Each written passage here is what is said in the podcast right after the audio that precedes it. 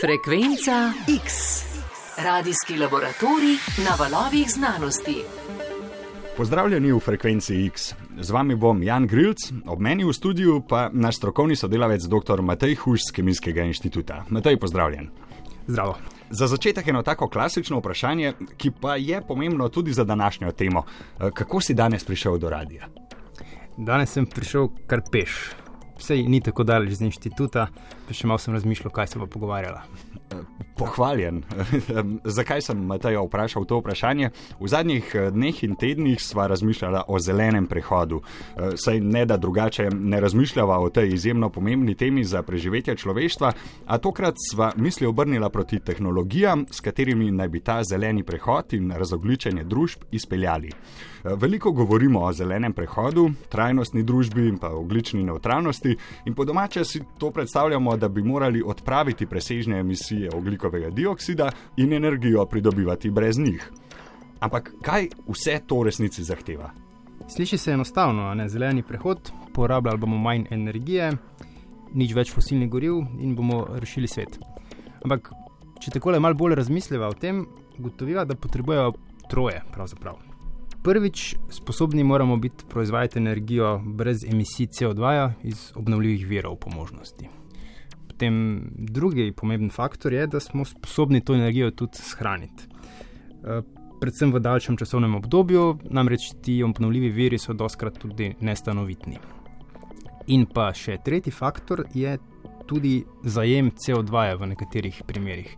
Namreč eh, so posamezni segmenti, kjer verjetno vendarle ne bo šlo povsem brez fosilnih goriv in da si bomo to lahko privoščili, ali pa da popravimo zatečeno stanje, kolikor smo svet, eh, bi rekel, pokvarili do sedaj, potreba biti sposoben tudi CO2 zajemati zraka in skladiščiti.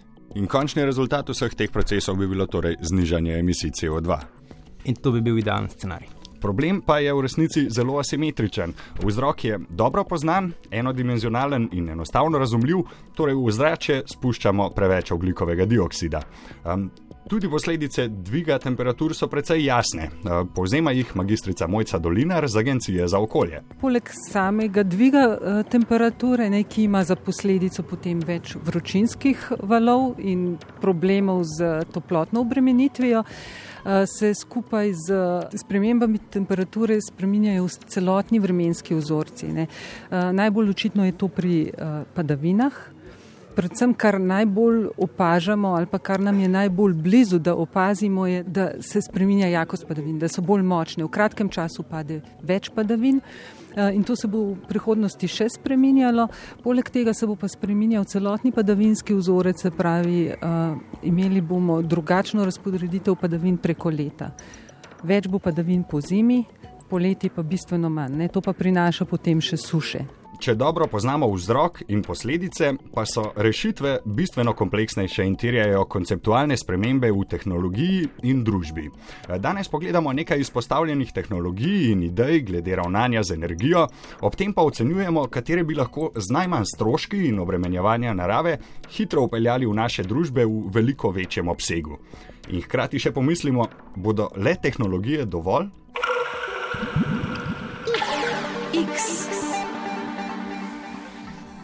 Matej, prosim, postavi en temelj. Hm, morda bi šlo najbolj plastično takole. V minulih letih smo letno v ozračje spustili približno 35 ali pa 36 milijard ton CO2. To je ogromna številka, da si jo lažje predstavljamo. Za tolikšne emisije bi naprimer morali sežgati približno 50 milijard ton lesa. To je nekako 10 odstotkov biomase, ki obstaja na Zemlji. Se pravi, vsako deseto drevo na Zemlji bi moralo pasti. Uh, še več, namreč biomasa so tudi druge rastline, živali in tako naprej. Torej, mi trošimo toliko, kot da bi vsako leto sežgali 10 odstotkov živih organizmov. Vsako leto. To se sliši ogromno. To je res ogromno, to je nepredstavljivo. In to je tudi na nek način razlog, zakaj je ta problem tako kolosalen in ga seveda ne moremo rešiti čez noč. Najlažje bi seveda bilo takoj zamenjati vire energije in pa rešiti skladiščenje, ampak tehnologija vendarle še ni povsem tam. in na cilj bomo očitno prišli postopoma, po korakih. In uh, pomembno je, da se seveda tega lotimo čim prej.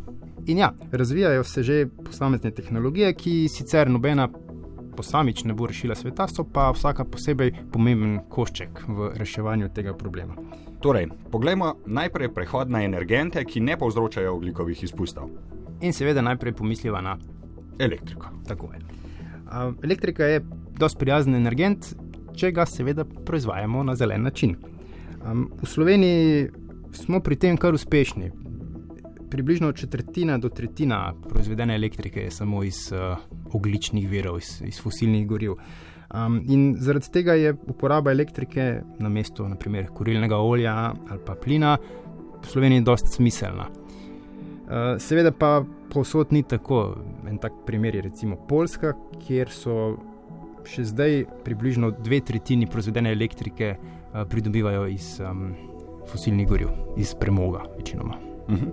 No, glavni viri obnovljive energije so torej sonce, veter in voda. Hidroelektrarne so relativno stara tehnologija in v Sloveniji ne moremo več veliko povečevati obsega pridobivanja energije iz vode, hkrati pa je tudi vpliv zajezitev na ekosisteme velik. Trenutno pri nas načrti nekako prioritizirajo fotovoltaiko. Tako razmišlja Aljoša Slameršak, klimatolog, ki na Barcelonski avtonomni univerzi UAB zaključuje doktorat z področja podnebne tranzicije in njenih ekonomskih posledic. Aljoša, sonce? To, to je mogoče nekako najmanj konfliktna opcija, zato ker ljudi ne moti toliko, sploh ko postavimo fotovoltaiko na, na strehe, ampak po drugi strani gre za zelo razpršene vire energije, ki v bistvu potrebujejo ogromne površine in tudi, rečemo, temu ogromen začetni kapitalski vložek, da se postavi infrastruktura, in je zelo težko videti, kako bi samo fotovoltaiko lahko nadomestili pač konvencionalne vire energije tudi zaradi tega, ker pač gre za variabilne vire energije, ki, ki niso vedno na voljo. Mislim, sonce pač ni vedno na voljo, tudi eh, voda ni vedno na voljo. Ne? Druga možnost je veter, ki pa ga pri nas zaenkrat komaj zaznavamo. Ampak ni povsod tako. Recimo v Evropi sta veter in pa hidroenergija primerljiva, oziroma je vetra celo malo več, eh, medtem ko je sončnih elektrarn manj od teh dveh energentov. Je pa seveda res, da sončne elektrarne so pa najhitreje rastoč novi vir. In veter tudi ni tako omejen kot sonce. Sonce pač sveti po dnevi, veter pa piha Kaj tudi po noči. Seveda pa so lokacije, ki so bolj primerne in lokacije, ki so manj primerne. Um, ja, v Evropi ima manj vetrnic od Slovenije le Malta. Uh, čeprav nimamo izjemno velikega vetrnega potencijala v Sloveniji, bi še vedno znaten delež električne energije lahko pridobivali s pomočjo vetra. Uh, to je tudi najcenejši način pridobivanja električne energije, opozarja Aljoša Slameršak. V primerjavi z fotovoltaiko je vetrna energija cenejša, zaradi tega, ker se, ker se gre v izgradnjo večjih enot. In tudi potem uh, sam faktor proizvodnje, torej v bistvu nekako zanesljivost proizvodnje je višja. Tu pa so seveda omejitve glede umeščanja v prostor, pa tudi v Sloveniji, da nima veterni potencial, ni ogromen. E, sončne elektrarne se torej kažejo kot bolj perspektivna pot v prihodnost, a tudi njihov potencial ni neskončen. E, če bi ukinili fosilna goriva in vse naprave in transport poganjali na elektriko, bi ob trenutnem obsegu porabe Potem bi rabili približno 60 do 70 kvadratnih metrov sončnih celic, torej 70 kvadratnih metrov strehe na prebivalca ne, v Sloveniji, kar pa eh, nobeno gospodinstvo nima ne, na, na, na prebivalca, eh, da bi sploh proizvedli torej, dovolj energije. S tem, da tu sploh ne govorimo o teh težavah shranjevanja električne energije iz fotovoltaike, ne, zgolj, na, zgolj kot neko poprečno porabo na letni ravni govorim. Ampak težava shranjevanja električne energije je pri fotovoltaiki seveda tako izrazita, da je enostavno ne moremo kar preskočiti. Je tako, Matej? Pravzaprav do tega zadnjega buma obnovljivih virov se s shranjevanjem električne energije niti nismo tako veliko ukvarjali, ker ni bilo tako nujne potrebe za to. Baterijski sistemi so ena od možnosti, imajo pa tudi svoje omejitve. Kapaciteta baterije je naprimer 300 Wh na kg, tako približno. Zdaj, če si predstavljamo, koliko ta številka pomeni, recimo eno tako merilo je benzin ali pa nafta ne, kot energent, ima 40 krat več energije na maso. Se pravi, namesto da bi imeli 100 litrov uh, nafte v nekem agregatu za elektriko, bi potrebovali 4 tone baterij, kar uh, zna biti problem. Uh, pa vendar po cestah se že vozijo električni avtomobili in po svetu pa gradijo velikanske baterije, kot je tista Teslina v Avstraliji. Ja, tista je res velikanska in je predvsem nova. Mislim, da so jo zagnali lani decembra. Tesla se hvali, da je ta baterija um, kako bi to prevedla, nesko, modularna, pravzaprav, da lahko jih pač, kupiš več in sestavljaš kot lego kocke na nek način. Um, in en tak modul eh, shrani 3 MWh energije. Če za primerjavo, koliko bi to bilo recimo v nekem gospodinstvu? Recimo enih 3000 gospodinstv bi lahko s tem napajali kakšno uro, kar se sliši lepo, a ne. Druga realnost je pa, da recimo ena srednje velika jedrska elektrarna pa to proizvede v manj kot minuti. Torej, še vedno je to zelo nizka kapaciteta v primerjavi z eh, velikimi omrežji. Um, in kaj pa surovine? Zdaj, na Teslini spletni strani lahko preberemo, da en tak paket tehta 38 ton. Uh, iz česa je sestavljen v bistvu? To so klasične litijonske baterije. Tesla razumljivo ne razkriva točne sestave, ampak če malce pošpekulirava in si pomagava s poznavanjem litijonskih baterij, lahko tako le čez prst ocenjava, da je noter približno tona litija, pa nekaj ton niklja, tudi mangana in kobalta. Zdaj, ko govorimo o tonah, to je ogromno. Kaj pa recimo v nekem običajnem električnem avtomobilu, koliko pa je recimo tam tak, teh surovin? Ja, že, že tam so ti baterijski paketi dokaj težki in nek tak poprečen avto ima verjetno 10 kg litija, 30 kg niklja, 10 ali pa 20 kg mangana in podobno. In če bi cel svet, ki danes vozi približno milijardo in pol avtomobilov, preklopil na elektriko, kaj bi to pomenilo? Ja, to bi, če pomnoživa, pomenilo 15 milijonov ton litija in 22 milijonov ton kobalta. Za primerjavo, ocenjene zaloge kobalta na svetu so pa 7,6 milijona ton. Mi dva pa zdaj samo pri avtomobilih govoriva že o večjih številkah, kaj šele vse ostale uporabe baterij. In surovin očitno preprosto ni dovolj za cel svet.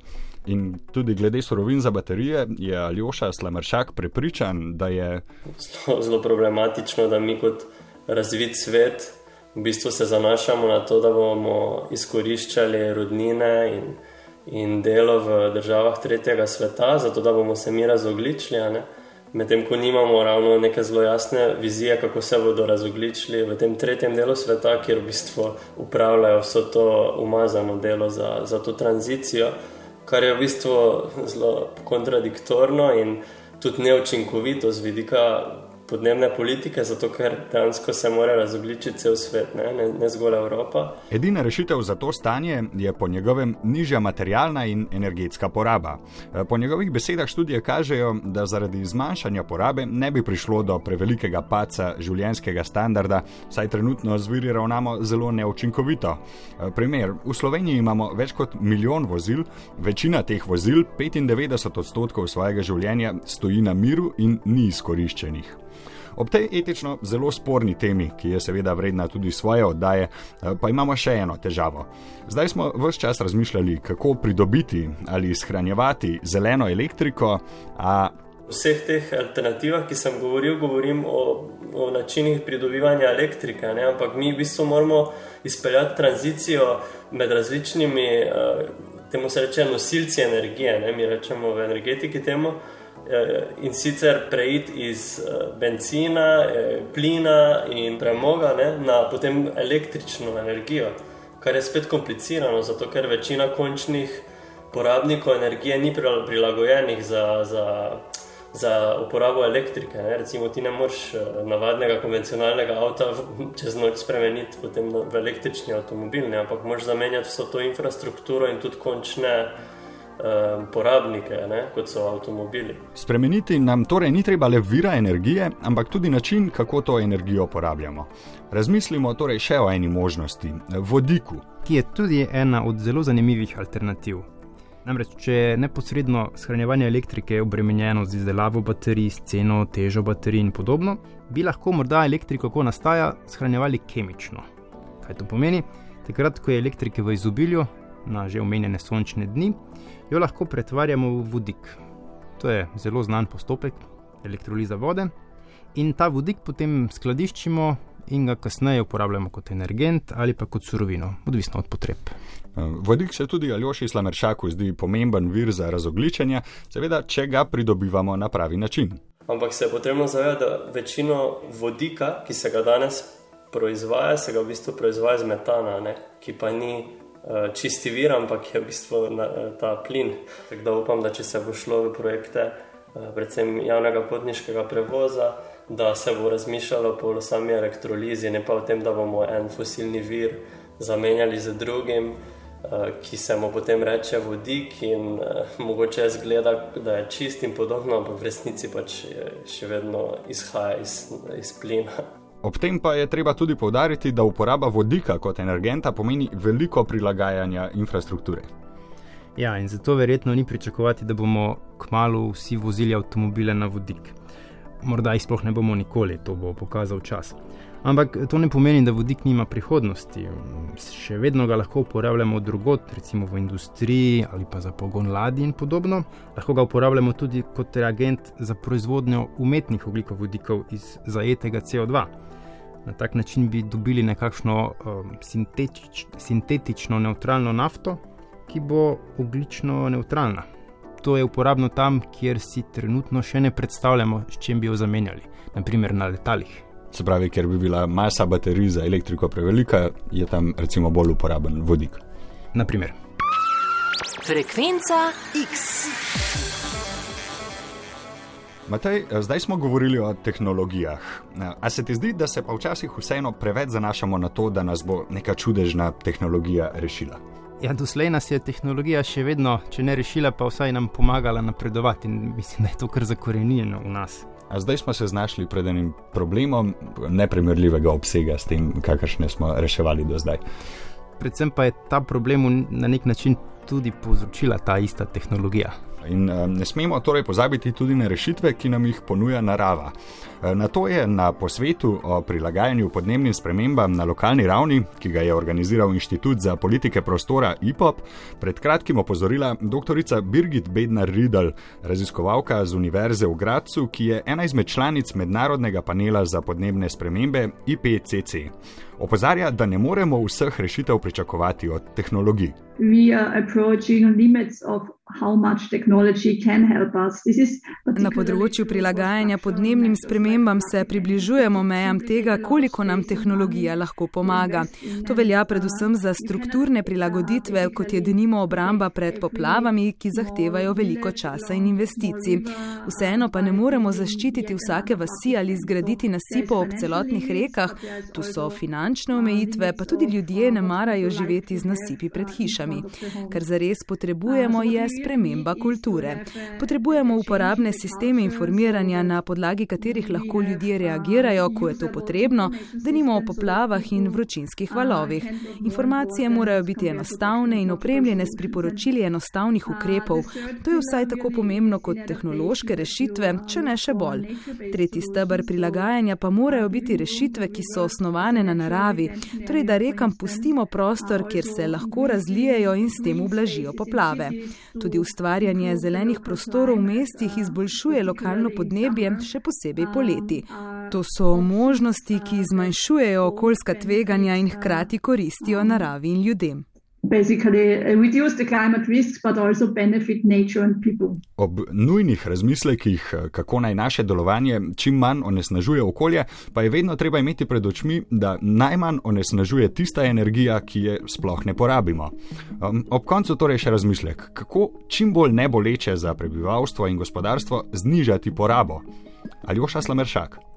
Sama poraba je relativno neelastična. To pomeni, da ljudje nasploh uh, zelo težko zmanjšajo porabo energije za ključne uh, energetske storitve, kot so ogrevanje in podobno, zato ker gre za dejansko precej potrebne storitve za neko dostojno življenje. Ampak kljub temu imamo v, v nasploh razvitih družbah, pa tudi v Sloveniji, precejšno neenakost ne, v sami porabi energije. In mislim, da tu lahko iščemo tudi potem potencial za zmanjšanje porabe. Um, zdaj, če pogledamo svet, na, na svetovni ravni, ne, recimo 5 odstotkov najpremožnejših uh, ljudi porabi več kot polovico vse uh, končne porabe energije. Ne. Torej, v bistvu več kot polovico celotnega svetovnega energetskega sistema v bistvu namenjamo za potrebe uh, peščice 5 odstotkov prebivalstva. V Sloveniji približno četrtina prebivalcev porabi polovico energije. Glede na to, da se pogovarjamo zdaj o zmanjšanju porabe v najbolj ekstremnih uh, scenarijih za okrog 10 ali pa mogoče 15 odstotkov. Ne? Uh, mislim, da vsekakor ta sama neenakost ponuja že precejšnji potencial, da se lahko poraba redistribuira na način, da tisti, ki živijo uh, z, na relativno nizke ravni porabe energije, ne rabijo zmanjšati svoje porabe, medtem ko pa za to potrebne poč, uh, neke politike, ne, redistributivne. Vsak pa se lahko tudi vpraša, kaj pa lahko storim sam, kaj ne bolečega, pa vendar koristnega. Um, mogoče še tale zanimiv razmislek. E, včeraj sem bil na enem testiranju športne pripravljenosti, pa sem se potem malo igral s številkami. Uh mhm. -huh. Moderni avtomobili, naprimer, izpuščajo na kilometr 100-120 gramov ugljikovega dioksida. E, človek, ki počasi hodi, pa približno 5-6 gramov, torej 20 krat manj. Torej, danes, ko si od Kemijskega inštituta do Radia Slovenija prehodil kakšna 2 km, si prispeval 12 gramov oglikovega dioksida v zraku. Približno, ja. E, zanimivo je to, da avtomobili so pa tudi približno 20 krat težji od mene. Ne? Se pravi, fizike tle res ne moramo pretentati. E, moramo pa absolutno povdariti, da e, ljudje izdihujemo CO2, ki ima vir v hrani. Torej, to je obnovljiv vir in seveda mi ne prispevamo svojim dihanjem k globalnim spremembam. torej, ni vam treba manj dihati. Če torej sklenemo, sveta ne bomo rešili z magično rešitvijo, sploh ne tehnološko, temveč z individualnimi prispevki in sistemskimi spremembami. Nobena tehnologija sama po sebi ne bo dovolj, hkrati pa lahko vsaka nekaj doprinese. Kombinirali bomo torej proizvodnjo elektrike iz obnovljivih virov z novimi metodami za shranjevanje, znižali bomo porabo, prešli bomo na zelene energente in poskusili zajeti čim več CO2. Tak bi bil, seveda, idealen scenarij. In upali, da se v tem času, do neke daljne prihodnosti, v kateri bomo morda govorili o fuziji, vendar ne bomo skuhali. In morda bodo naši zanamci snemali neko popolnoma obratno oddajo v svetu, kjer bo energija na pretek in bo poceni za ston in zelena, ukvarjali pa se bodo s pomankanjem surovin in materialnih virov. In to bi bil scenarij, ki bi se nam v tem trenutku zdel kar sprejemljiv predvsem pa neverjeten. Doktor Matej Huš, eh, najlepša hvala za obisk v studiu Vala 202. Hvala za povabilo. Eh, najlepša hvala tudi vam poslušalcem in lep pozdrav. No, v naslednji oddaji Frekvenca X pa Vabljeni na pogovor z Nobelovcem.